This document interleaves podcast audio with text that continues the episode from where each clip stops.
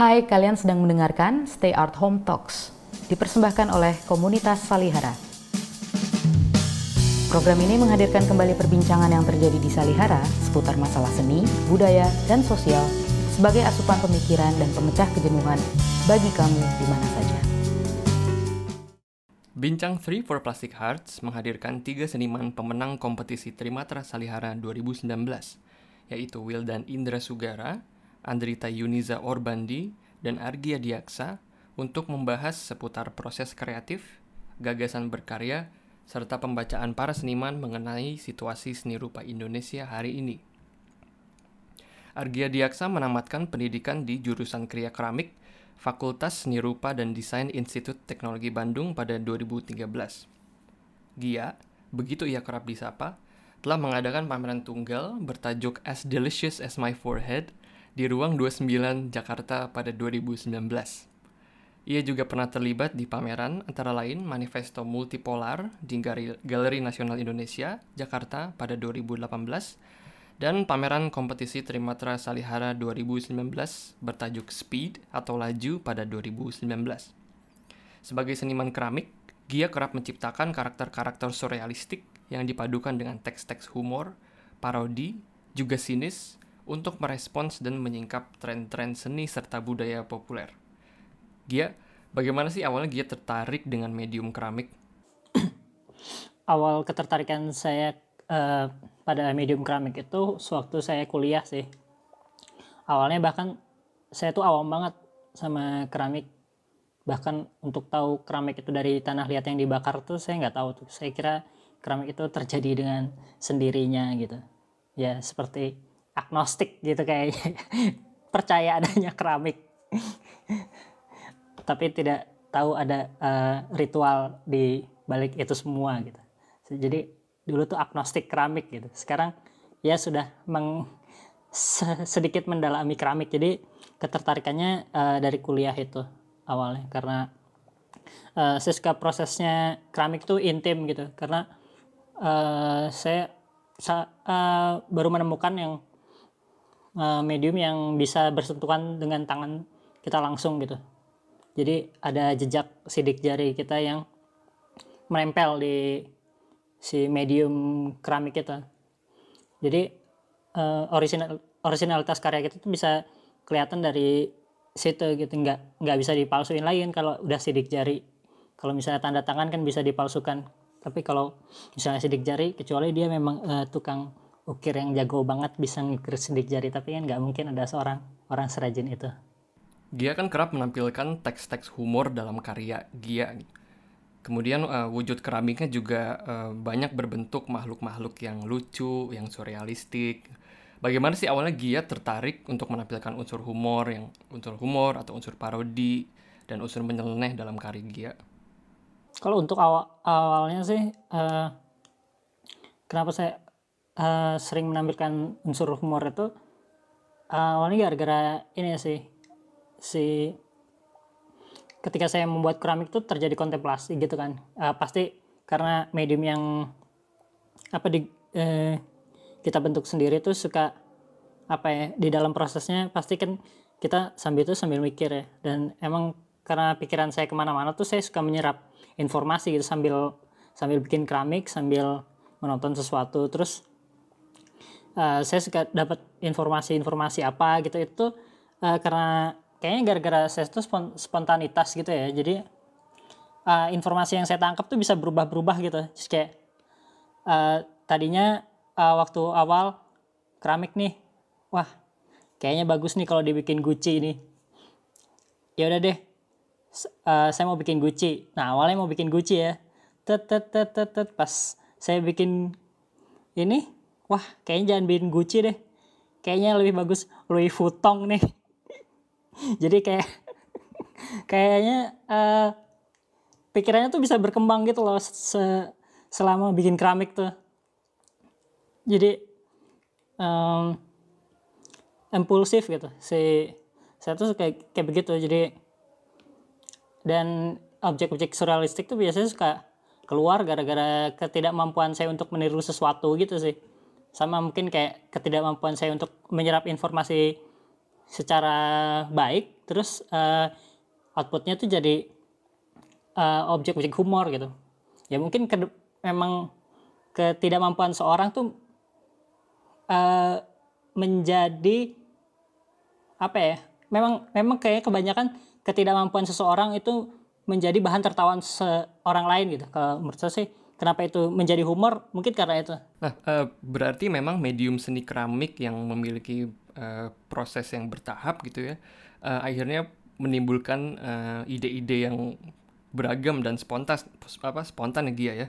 Uh, bisa jadi uh, Gia memiliki ide A pada awalnya terus kemudian bisa dapat berubah gitu di di di tahap akhirnya. Uh, iya itu sih uh, kayaknya seperti yang tadi itu. Jadi uh, dalam prosesnya tuh saya suka berubah-berubah gitu. Mungkin karena uh, orangnya pelin pelan juga ya. Jadi ya karya tuh bisa spontan banget gitu. Dan keramik tuh menurut saya kan sulit banget untuk mencapai sempurna gitu ya. Jadi kadang-kadang ketidaksempurna apa yang ketidaksempurnaan yang saya spot apa ketidaksempurnaan yang saya apa saya tampilkan itu kadang-kadang gara-gara ini juga sih ke um, udah sisi pasrah gitu. Di, keramik tuh jadinya aduh kalau mencapai ini uh, susah nih. Jadi kayaknya spontanitas itu menjadi negosiasi saya gitu uh, dalam buat keramik. Karena kalau misalnya um, saya harus saya ingin mengejar ini. Wah oh, nggak bisa nih. Jadi uh, otomatis ya jadi mikir gitu. Jadi sambil bikin keramik tuh kadang-kadang suka sedih sendiri gitu kadang-kadang. Aduh susah aja gak ya. Di gini deh. Wah ternyata lebih menarik gitu. Jadi uh, ide spontanitasnya juga kadang-kadang gara karena ketidakmampuan itu ke kesulitan membuat keramik gitu di prosesnya. Jadi suka terlihat uh, terlintas ide spontan gitu. Begitu prosesnya. Uh, di di pembuatan keramik proses proses mana yang paling seru buat Gia? Proses pembuatan keramik yang paling seru ketika sudah selesai dan saya tidur. Agak kalau kalau dalam itu kan setelahnya ya. Tapi kalau sebelumnya itu paling seru di pas pembentukan karena di sana bisa pas ada ada ide-ide liar tuh di sana gitu. Pas di pas kita mau bentuk apa gitu terus tiba-tiba kepikiran apa itu uh, seneng banget sih pas di situ.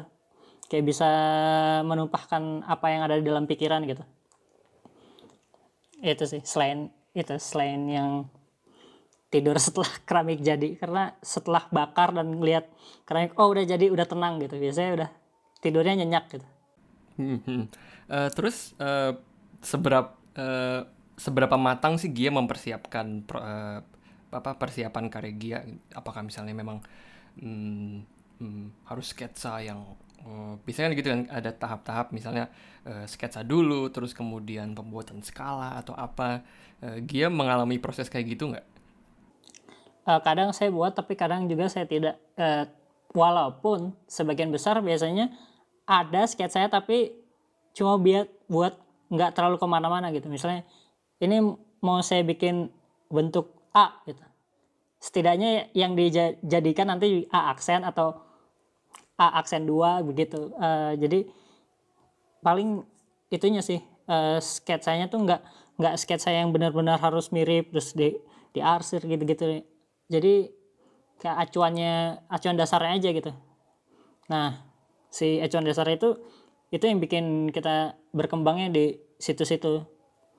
Paling begitu sih kalau untuk sketsa biasanya atau biasanya saya bikin sketsa komedi dia kan sering ter, uh, dia kan sering uh, menyelipkan isu-isu budaya pop dan persoalan gaya hidup anak muda gitu ya. Hmm, apa sih yang membuat dia ter tertarik terhadap isu-isu seperti itu? Um, isu budaya-budaya itu kan karena uh, itu yang sering saya konsumsi gitu kayak hampir tiap hari ada hal baru yang uh, kayak di kayak kalau main game tuh kayak ada karakter unlock tiap hari gitu ada aja kayak ujaran-ujaran baru lah kayak ada aneh-aneh orang-orang melakukan hal-hal aneh gitu.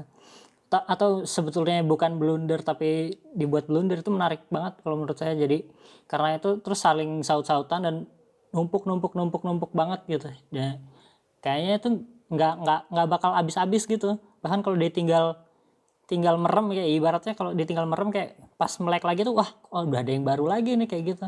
Itu karena apa karena kayaknya ada yang baru terus itu uh, itu juga jadi saya tertarik untuk uh, mengeksplor di bagian sana gitu. Dan itu kan kayak membuat resah gitu kan. Terus saya uh, tertarik gara-gara itu sih ya karena nggak kayak nggak ada habisnya gitu. Jadi bisa menarik untuk uh, dieksplorasi terus gitu. Oke, um, apakah dengan dem demikian di dalam karya-karya Gia itu terselip kritik terhadap um, budaya pop dan gaya hidup tersebut? Uh, beberapa mungkin ada ya, tapi uh, kebanyakan mungkin juga cuma output saya untuk mengeluarkan unek-unek tersebut sih kayak ada suatu hal yang menurut saya rada rada uh, nggak nggak nggak nggak masuk di akal di dalam pikiran saya kayak ini tuh apaan sih kok bisa kayak gini ya Nah itu bisa mungkin bisa saya tuangkan dalam karya gitu atau ada ujaran-ujaran yang kayaknya ini mah apaan sih gitu kayak orang kan suka membuat opini-opini nggak nggak jelas gitu di internet kan ya. kadang-kadang itu saya masukin dalam karya saya gitu um, paling ya itu sih kritiknya ya uh, informasi yang di uh, informasi yang saya terima tuh eh, informasi yang kita terima dari internet tuh ini sih apa kayak me, mesti disaring gitu kayak kritiknya paling karena ke apa kebisingannya itu terus uh, membuat kita jadi apa misinformasi gitu. Mungkin karena nggak bahkan kita jadi nggak tahu mana yang benar mana yang salah gitu. Ya uh, karya-karya Gia kan uh, kuat dengan teks ya. Teks-teks yang teks-teks yang humor kemudian parodik gitu. Uh, apakah itu uh, terinspirasi misalnya dari uh, budaya misinformasi atau misalnya seperti clickbait kayak gitu uh, Gia. Iya itu uh, banyak banyak banyak juga yang pengaruhi dari situ sih.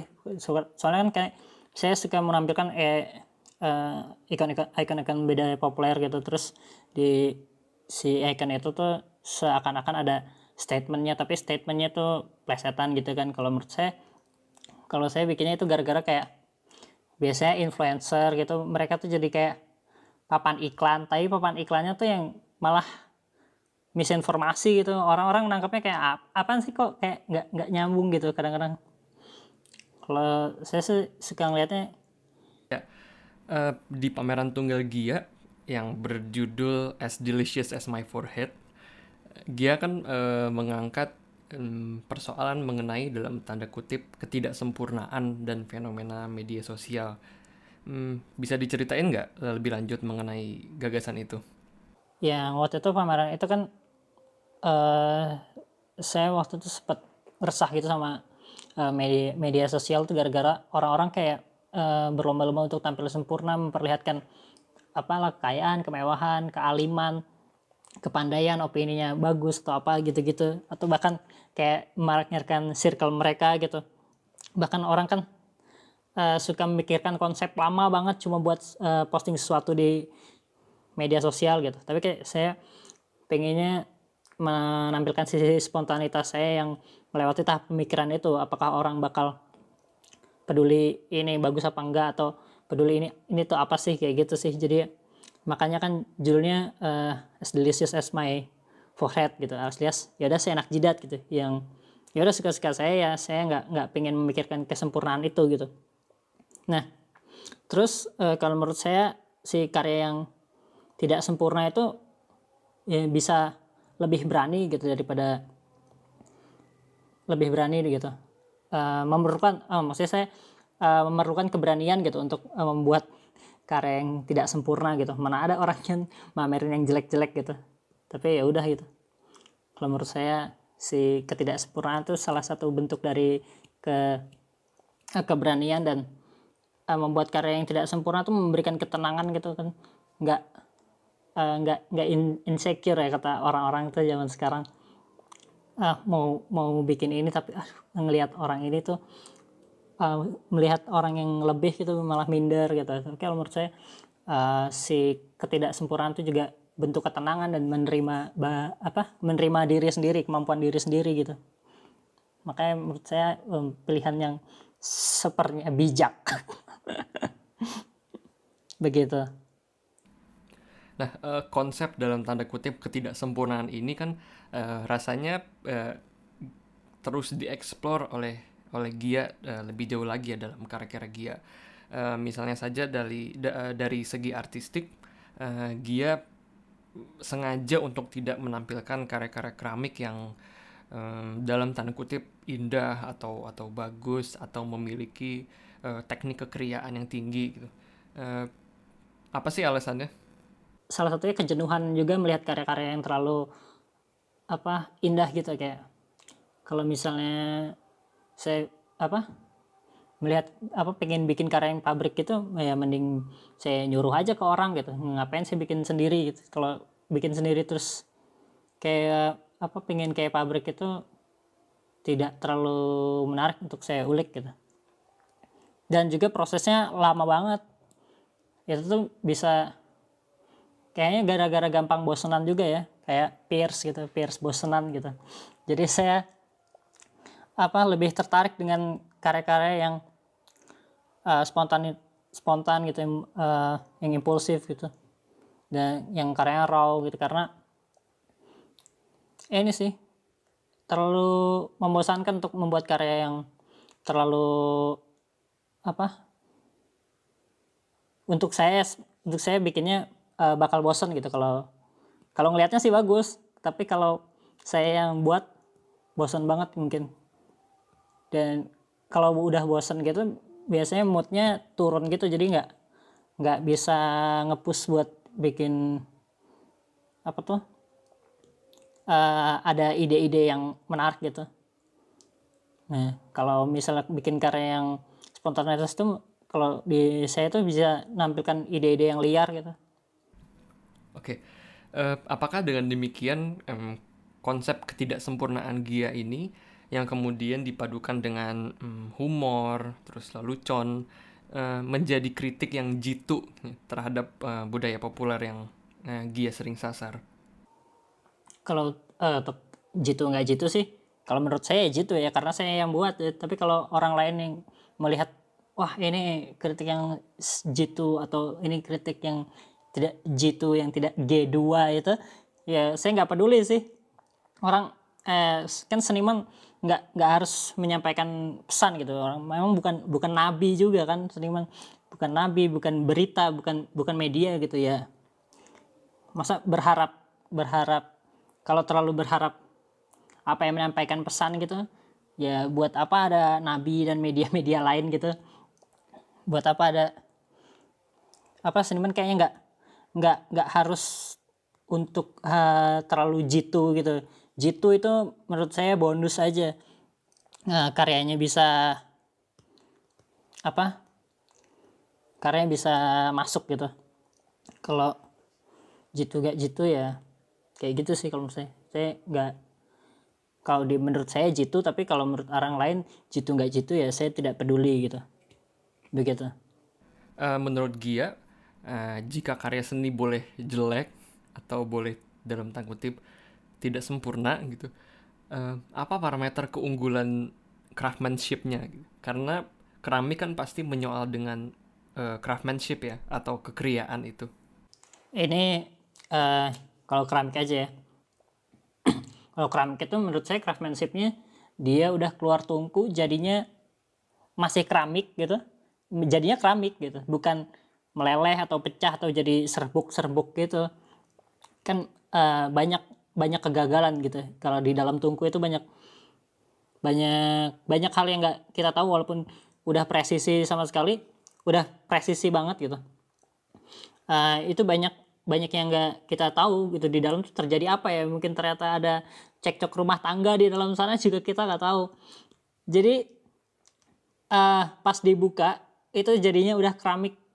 Aja itu udah menurut saya udah craftsmanship. Kalau si seniman itu membuat karyanya dengan tangannya sendiri gitu. Si craftsmanshipnya di situ. Masalah jelek nggak jelek saya udah nggak nggak ngeliat itu sih kalau di keramik. Lihat apa sih sisi craftsmanshipnya. Kalau keluar tungku jadi keramik udah diketok ada ting ting itu udah itu udah craftsmanship ya kalau kalau dia bakar sendiri dan bikin sendiri ya Selain pameran tunggal, uh, Gia kan juga memiliki pengalaman terlibat di art fair. Hmm, apa pandangan Gia terhadap apresiasi karya seni yang jelek ini? Eh, itu sih seperti yang tadi kayaknya saya sempat bilang gitu. Uh, saya sangat mengapresiasi kan sih karena uh, orang yang bikin karya seni jelek tuh orang yang berani. Menurut saya. Uh, mana ada sih orang yang nggak nggak mana ada sih. Maksudnya dia punya apa ya keberanian lebih untuk menampilkan sesuatu yang oh menurut orang lain itu nggak nggak nggak nggak sesuai standar dirinya gitu. Berarti kan dia uh, punya rasa percaya diri yang lumayan tinggi dan cuek gitu. Dan cuek itu menimbulkan itu lagi sih ketenangan lagi. Menurut saya nggak nggak memikirkan kata-kata orang gitu. Saya ini sih melihatnya itu sebuah tindakan yang berani dan apa penerimaan penerimaan diri yang sangat besar sekali kan berarti. Kecuali setelah itu dia minder dan menyesal gitu itu lain cerita ya. Seberapa sering sih dia uh, memantau media sosial uh, untuk melihat fenomena populer hari ini gitu apakah dari situ juga uh, spontanitas itu juga muncul kalau seberapa sering kayaknya hampir tiap hari sih bahkan mau mau puasa media sosial tuh pun saya sering batal gitu karena paginya belum sahur. saya nggak uh, sulit banget untuk nggak melihat media sosial karena kayak apalagi uh, gara-gara masa pandemi gini apa ya lihat apa lagi selain media sosial? Kalau saya bingung sih soalnya karena udah bosan nonton ini nonton ini mungkin uh, melihatnya tuh ke media sosial lagi media sosial lagi. Terus uh, kalau si apa pengaruh terhadap karya yang jadi spontanitas tuh itu pengaruh banyak banget sih. Soalnya ngelihat ngelihat misalnya ada isu apa gitu. Terus orang ada yang menanggapi apa menanggapi apa menanggapi apa. Itu kayak saya lihat kayak wah itu seperti semacam perlombaan gitu. Orang-orang menanggapi bahkan kayak ada ada yang membuat lelucon tentang ketika orang lagi ada isu apa terus ada yang uh, menyeletuk uh, ayo kumpulin bahan tentang isu ini dikumpulkan sampai jam segini harus sudah beres selesai tidak selesai dikumpulkan gitu. Makanya itu kayak ini tuh emang orang tuh tugas apa gimana? Kenapa orang kok uh, saling menimpali gitu gitu? Nah itu tuh menarik. Soalnya uh, ngelihat si perkembangan si isu A terus bisa geser jadi A, A B C D itu menurut saya ini banget. Pengaruh banget sih ke karya saya gitu. Misal orang ngepost apa tapi yang diperhatiin malah ininya terus si ininya yang malah jadi spotlight baru gitu. Nah itu tuh beneran kayak uh, metode saya waktu bikin karya tuh gitu banget sih. Jadi kayaknya pengaruhnya banyak. Um, itu mungkin uh, mirip dengan uh, kultur balas membalas dalam media sosial ya? Saling menimpal gitu. Iya sih kayak kayak gitu sih. Uh, makanya karya saya tuh kadang-kadang suka ini kan yang uh, kayak waktu di yang waktu karya di Salihara tuh um, seorang saya apa sih kok lupa. Seorang pria ditemukan sedang berhubungan badan tapi belum selesai gitu. Berhubungan badan apa badan meteorologi dan geofisika gitu kayak gitu. Jadi ada kayak balasan-balasan dari uh, setiap katanya tuh kayak uh, akan ada lonjakan-lonjakan gitu sih. Si kayak pematahan persepsi gitu. Nah itu biasanya yang saya dapat dari media sosial tuh kayak gitu. Orang-orang yang uh, memberikan informasi terus tiba-tiba di tengah tuh dirusak gitu nah itu sih yang saya apa hmm, apa ya saya ambil tuh si cara kerjanya di situ sih um, karena fenomena populer ini merupakan uh, bahan bakar Gia dalam berkarya Uh, bagaimana sih Gia uh, bersiasat untuk uh, memposisikan diri gitu di tengah di, di, di tengah arus informasi gitu. Nah itu sih uh, memposisikan dirinya saya membuat uh, karya itu salah satunya. Jadi dan dan juga saya membuat humor itu tujuannya supaya nggak terlalu terpelatuk gitu. Orang-orang kan banyak yang terpelatuk terus jadi kayak dia emosi sendiri gitu. Tapi kalau uh, si kesalahan-kesalahan itu jadikan humor aja kan kita tuh nggak apa ya nggak nggak terlalu tenggelam gitu. Jadi cuma ya udah kita cuma menikmati aja orang-orang ber, bertempur sana sini mungkin ya sekarang kan kita mengenal kultur meme yang watak humor dan kritiknya bisa dibilang uh, mirip dengan cara Gia berkarya. Apa sih pandangan Gia terhadap uh, kultur seperti ini? Uh, apakah apakah Gia melihat karya Gia juga memiliki unsur tersebut? Uh, mungkin cara kerjanya aja sih yang uh, unsurnya saya pakai itu kayak. Tapi kalau saya lihat meme itu kan uh, ada ini ya kayak ada pakemnya gitu ya. Jadi kalau misalnya ada gambar ini lalu di, diubah lagi dengan gambar apa? Kalau saya kan uh, membuat membuat ulang gitu kan.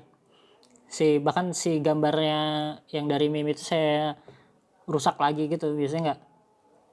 Terinspirasi sih lumayan dari cara kerjanya tapi nggak nggak kayak meme karena meme kadang-kadang bahkan ada pakemnya dan ada itunya sendiri ada polisinya sendiri bahkan. Kalau si meme ini misius gitu salah salah arti kan kan bahkan ada yang ini kan ada yang apa sih polisi meme itu yang wah apa nih nggak bukan gitu cara makainya kayak wow.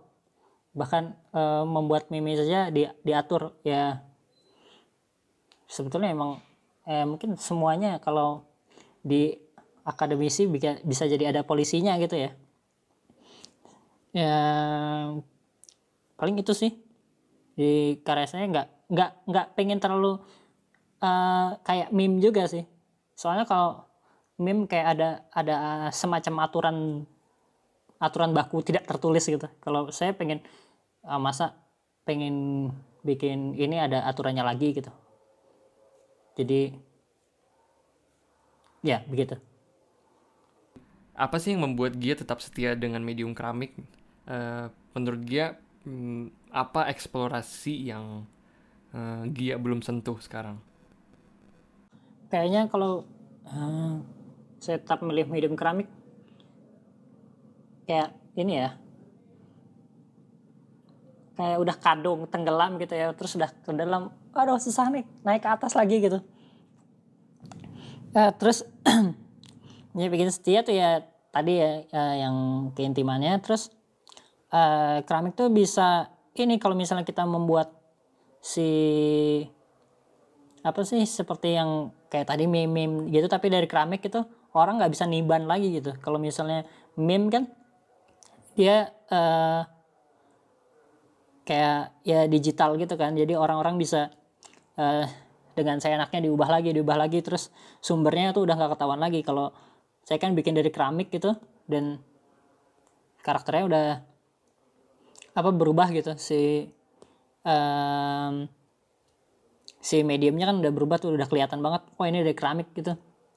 Terus tapi kalaupun ditiban misalnya ditiban ya misalkan saya bikin tulisan dari keramik tapi kalau dia pun ditiban nah, itu kan kelihatan kalau ditiban gitu. Jadi masih ketahuan si originalitasnya oh ini keramik ditiban ditiban sama digital gitu. Kecuali orang iseng banget bikin 3D keramik gitu.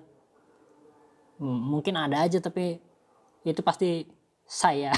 Enggak deng uh, ya gitu sih.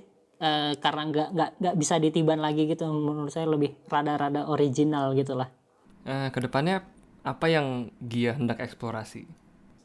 Kalau eksplorasi dari keramiknya sih saya lagi tertarik untuk uh, ini sih teknik kintsugi itu teknik kintsugi itu teknik yang dari dari Jepang itu dari dia tuh memperbaiki keramik pecah yang disambung dengan lacquer terus lacquer ya lacquer lacquer lacquer itu uh, terus diwarnai dengan uh, emas gitu entah itu dari lacquernya dicampur emas atau si di ditempel dengan gold leaf atau dengan di dicat emas gitu biasanya.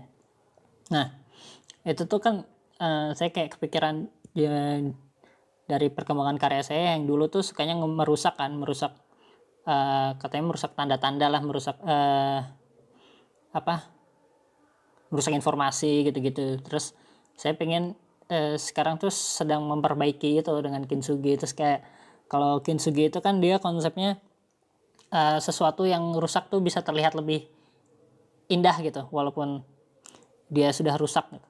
nah pengennya sih seperti itu walaupun nggak nggak nggak indah-indah amat juga pastinya. Jadi terus apalagi ya eksplorasinya?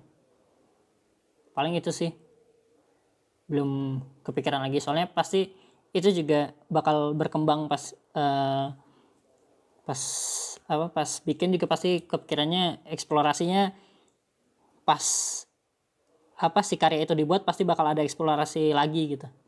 Jadi nggak kayaknya tiap tiap karya saya uh, punya satu apa kebiasaan baru yang diterapkan di karya saya gitu. Jadi kayak pasti ada lagi